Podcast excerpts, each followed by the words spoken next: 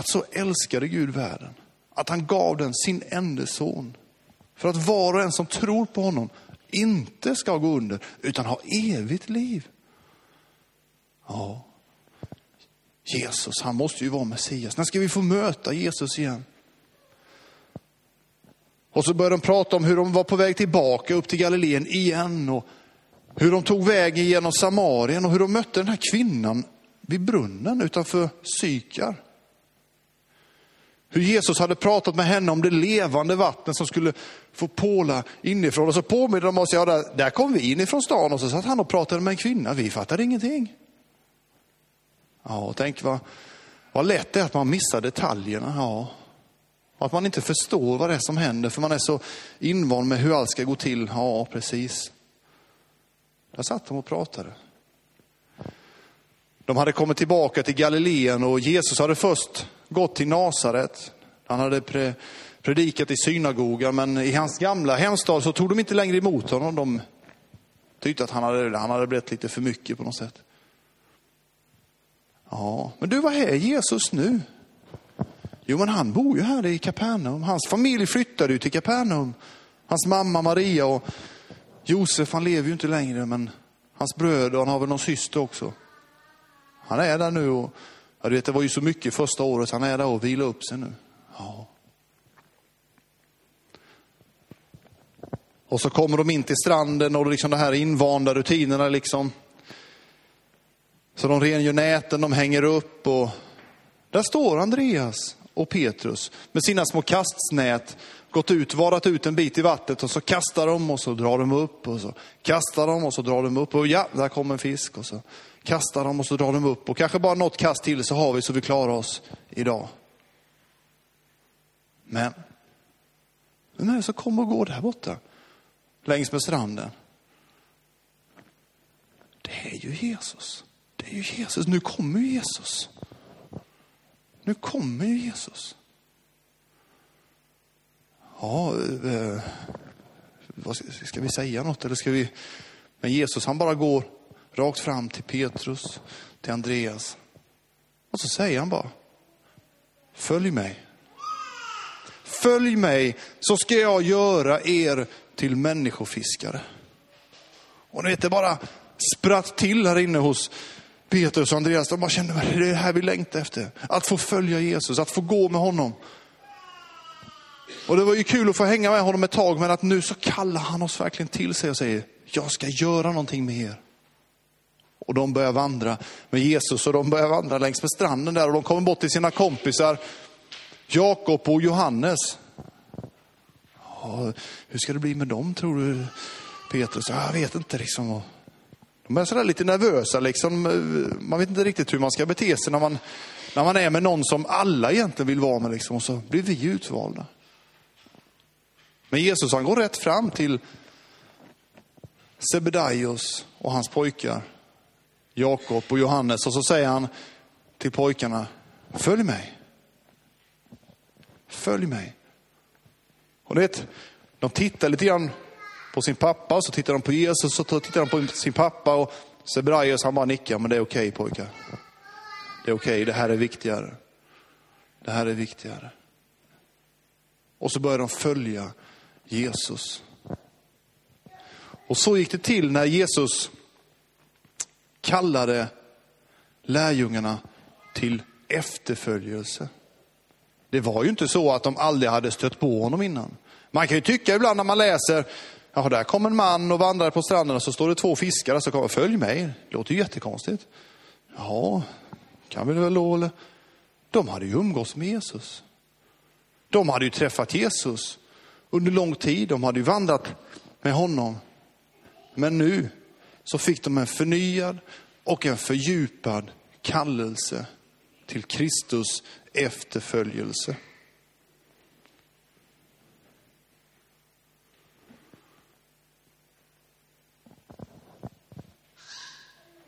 Har du gjort den här erfarenheten av att bli kallad av Jesus?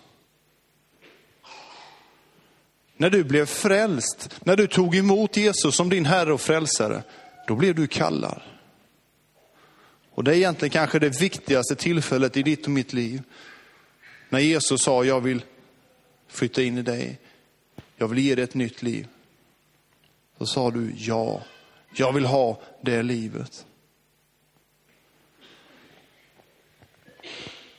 Men man kan också bara umgås med Jesus eller liksom bara se Jesus då och då utan att egentligen leva i efterföljelse. Och det var det som Jesus den här morgonen kallade Andreas, Petrus, Jakob och Johannes till efterföljelse. Kom och följ mig så ska jag göra er till människofiskare.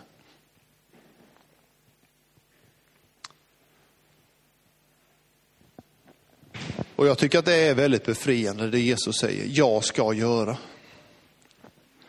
vet, ibland så eh, tenderar vi till att tänka att vi ska prestera väldigt mycket för att duga till. Eller för att passa in i liksom en, en slags församlingskultur eller för att Gud ska tycka om mig. Och det är fullt mänskligt att vi beter oss på det sättet. Men du vet, Gud älskar dig. Oavsett vad du gör så älskar Gud dig. Hans kärlek till dig har ingenting att göra med vad du gör eller inte gör. Han älskar dig. Men han kallar dig också till efterföljelse där han vill göra någonting i ditt liv. Inte där han går och liksom, ja det där var bra, det där var dåligt liksom och bara, nej skärp till det nu och så liksom går han där med någon piska eller någon liksom och knuffar på liksom. Utan nej, han vill göra någonting i dig och i mig. Jag ska göra er till människofiskare. Så det hänger inte på din egen kraft eller din egen kunskap. Men det betyder inte heller att det alltid är enkelt och smärtfritt. Därför att ibland så behöver Jesus verkligen ta tag i saker i våra liv och det kan vara smärtsamt också. Det betyder ju inte att vi ska bli eh, lata eller bekväma. Därför att det var det ju inte egentligen. På ett sätt hade säkert det bekvämaste varit för de här pojkarna att fortsätta med familjeverksamheten. Bara leva vidare som de hade gjort i generationer. Det här vet vi, det här kan vi. Nej, utan de klev ut ur det och började ett helt nytt liv. Där Jesus fick börja forma dem istället för de själva och deras egna traditioner och deras egna. Där Jesus fick börja göra någonting i deras liv. Hur är man en Kristus efterföljare?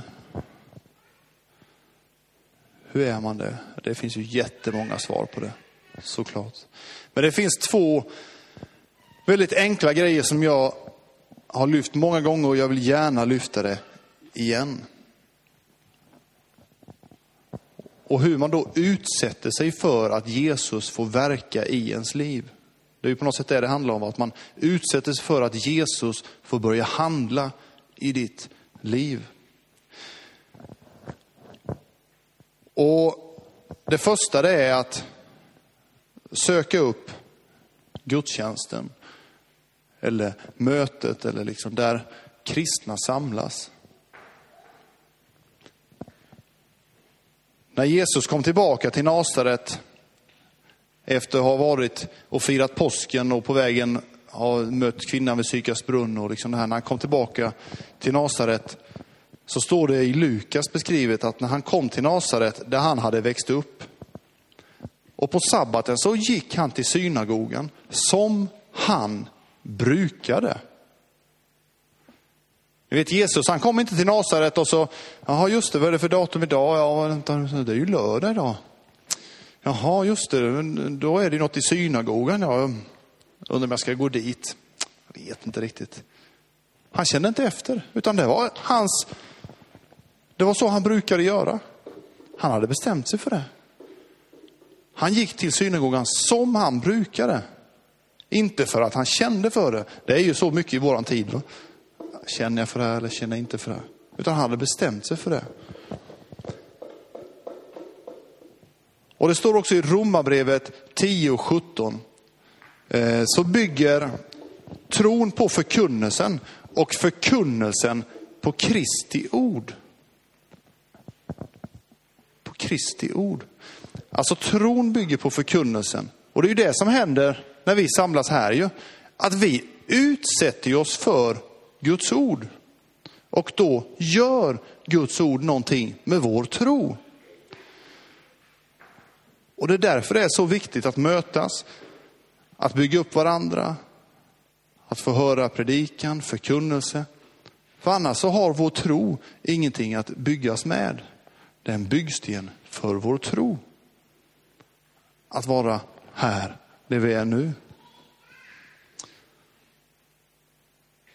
Tron bygger på förkunnelsen. Jag har ibland hört uttrycket så här, om min tro inte klarar det så kanske det inte var så mycket med tron. Och så kan man det vara olika sammanhang, att man befinner sig kanske i något sammanhang eller sådär va.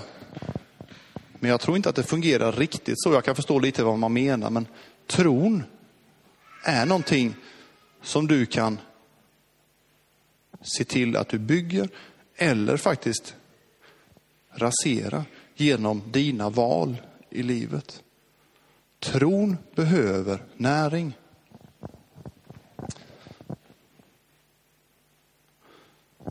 Det första är alltså att fira gudstjänst. Det andra, det är den personliga andakten. Det här gör vi ju tillsammans, men vi behöver också när du och Jesus, bara du och Jesus.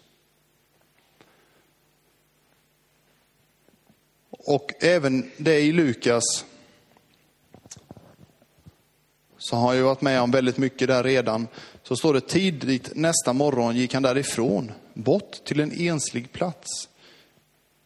Folket började leta efter honom och kom ända dit där han var. Och de ville hindra honom från att lämna dem. Men han sa till dem, jag måste förkunna budskapet om Guds rike för de andra städerna också. Det är därför jag blivit utsänd.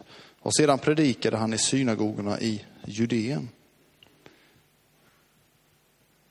Att ha en personlig tid med Jesus, det är också helt avgörande för att vara en Kristus efterföljare.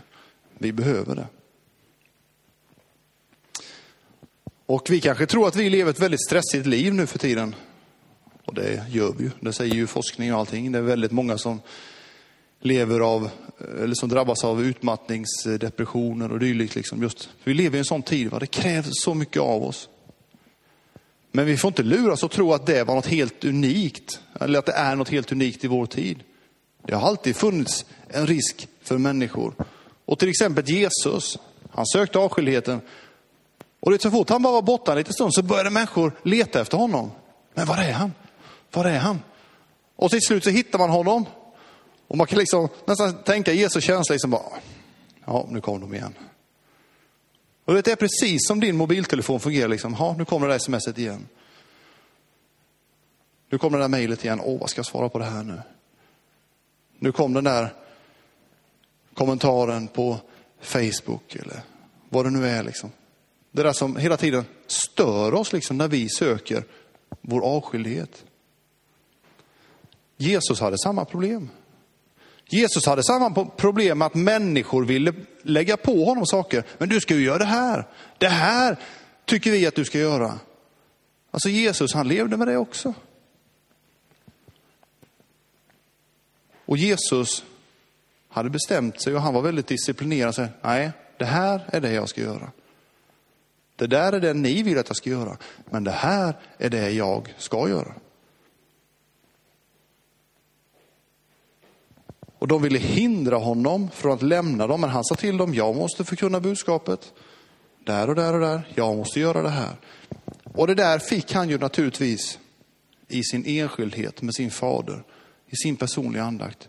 Så blev han trygg i vad det är han ska göra, vad det är han inte ska göra. Han var trygg i vad han tror på och vad han vet att han ska göra.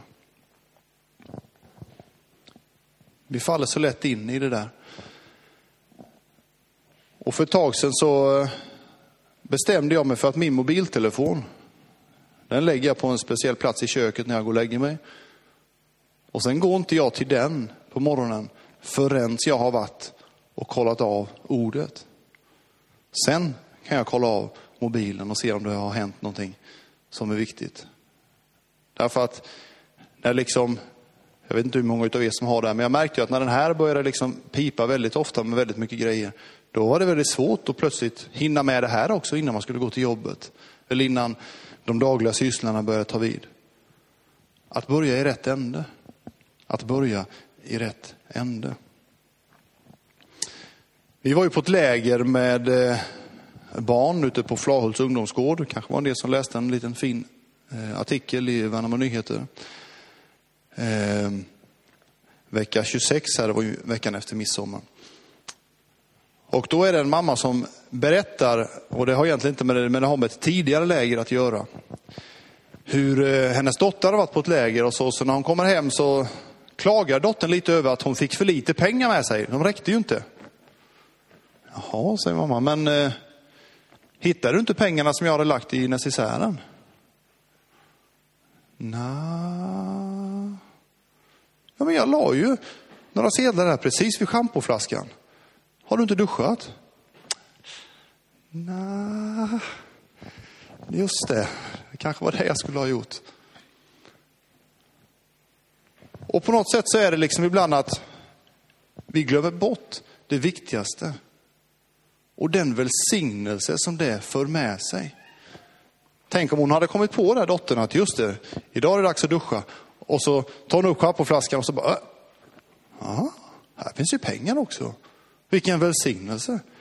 Ja, det är ju lite haltande bild på sitt sätt, men det är ändå liksom, när du tar upp den här och så har du läst den och så känner du, wow, vilken välsignelse.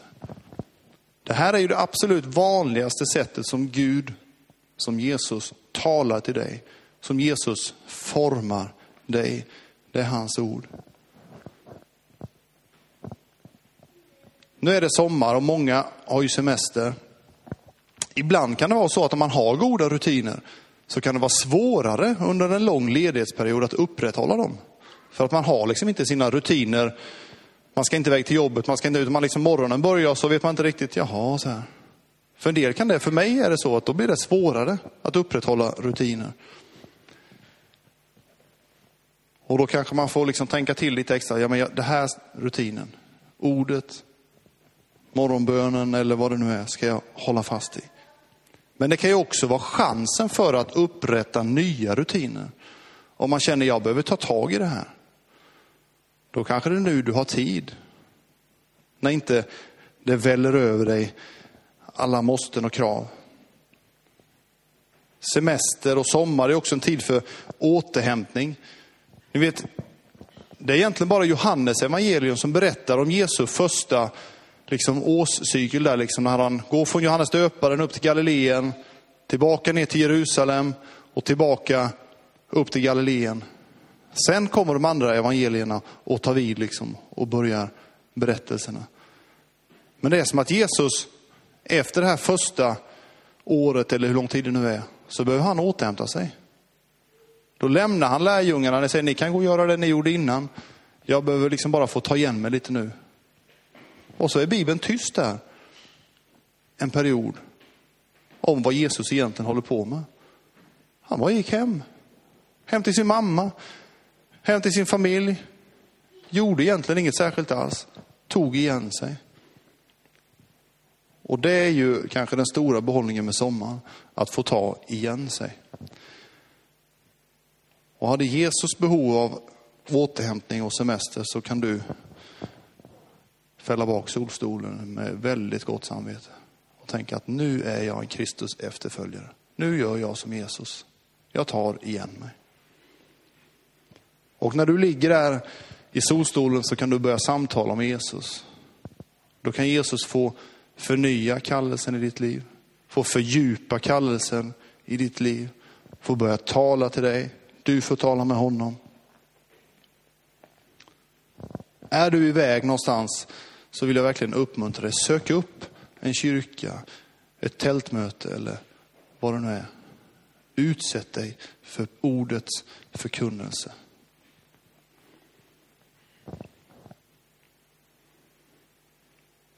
Du är kallad av Jesus. Han vill göra dig till människofiskare. Han vill göra mig, han vill göra oss alla. Och det är också han som är den agerande parten och det är trösterikt. Jesus, tack för att du kallade lärjungarna Jesus. Tack för att du handplockade dem Jesus. Jesus, jag tackar för att du har kallat oss var och en Jesus.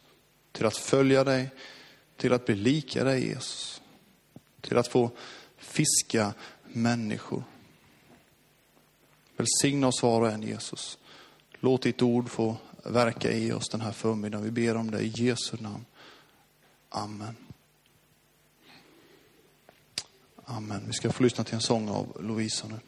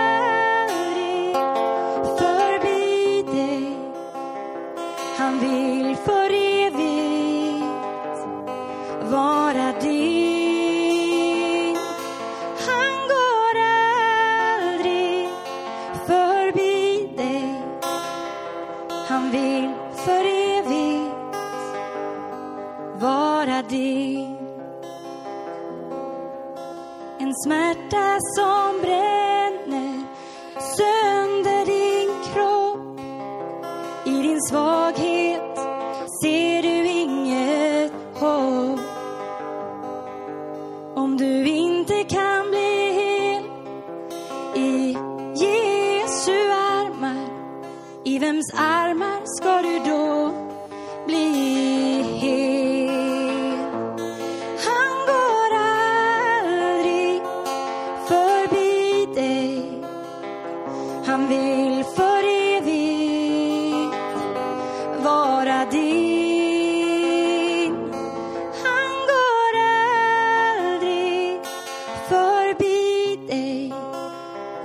Han vill för evigt vara.